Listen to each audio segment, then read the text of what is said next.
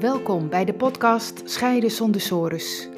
Ik ben Annewieke van der Boom en ik begeleid mensen die op het punt staan te scheiden en bang zijn voor een financieel drama, verlies van contact met je kinderen en eindeloze discussies met hun partner naar een nieuwe situatie waarin je meer quality time hebt met je kinderen, weer respectvol en ontspannen met je partner kunt communiceren en weer financiële duidelijkheid hebt.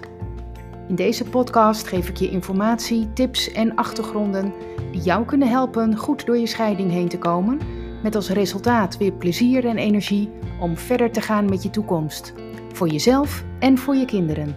Dat is Scheiden zonder sores. Deze aflevering gaat over uitstel. Uitstel is heel menselijk. Leuke dingen ondernemen doe je direct, maar vervelende dingen waarvan je eigenlijk wel weet dat het moet, maar waar je tegenop ziet, stel je vaak uit. Soms bewust, soms ook onbewust.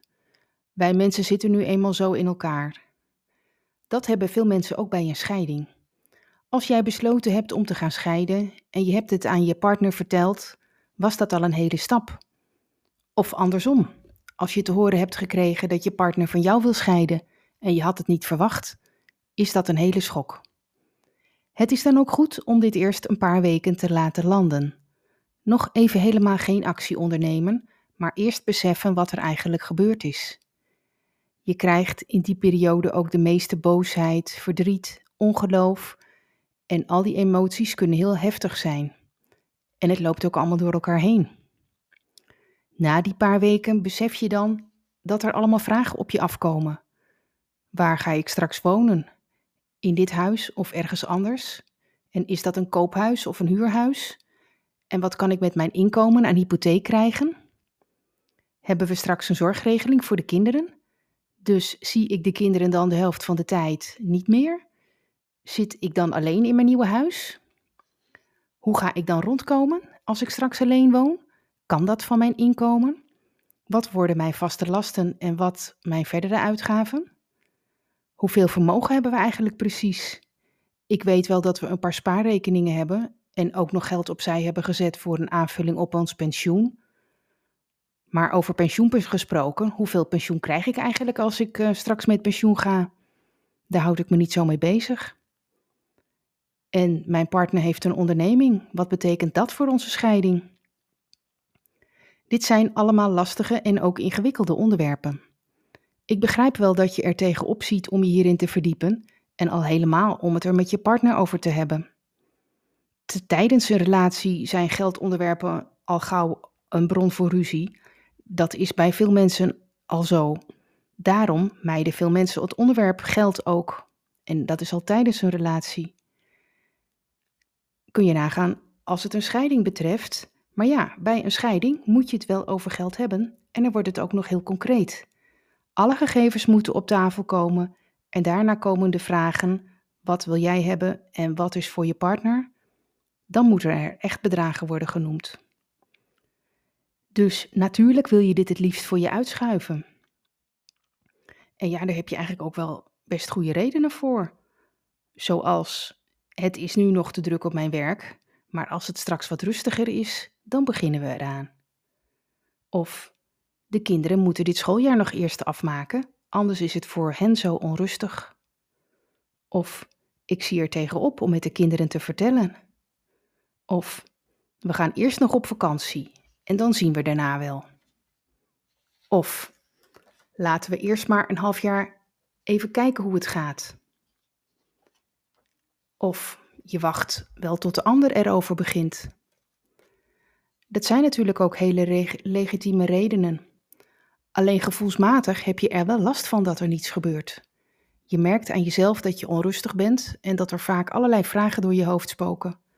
Net zoals zorgen over de toekomst. Je slaapt er slechter van en je voelt je niet meer zo fit als eerder. En je bent snel prikkelbaar tegen mensen in je omgeving en ook tegen je kinderen.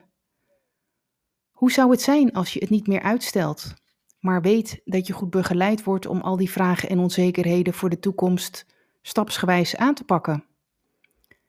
Ik merk dat als mensen de beslissing nemen om door mij begeleid te worden, er op dat moment al een last van hun schouders valt. En dan ben je nog niet eens begonnen. Het is alleen maar de beslissing om te starten. En als je het bijvoorbeeld een half jaar uitstelt, wat moet er dan anders zijn dan nu?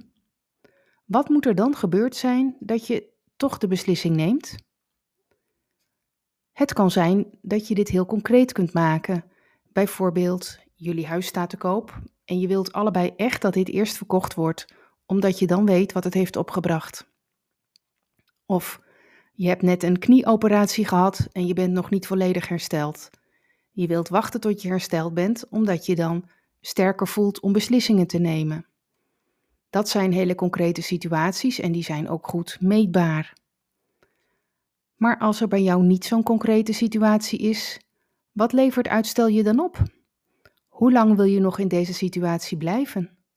Hoe is dat voor jou? En hoe is dat voor de kinderen? En hoe zou het zijn als je geen zorgen meer hebt over je toekomst en je weet waar je financieel aan toe bent? En dat je weet waar je gaat wonen? En dat er een mooie zorgregeling voor de kinderen is? En dat je zelf weer vol, weer vol energie zit? En dat je ontspannen contact met je partner hebt? Hoe zou het zijn om op vakantie te gaan terwijl je weet dat je alles goed geregeld hebt? Hoe is dat voor jou? Ik gun jullie om alles goed geregeld te hebben voor je scheiding, of het nou voor of na je vakantie is. Tijd komt niet meer terug. Kies je eigen goede moment.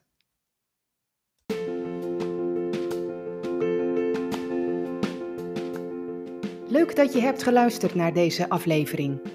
Ben je benieuwd naar meer? Abonneer je dan op deze podcast.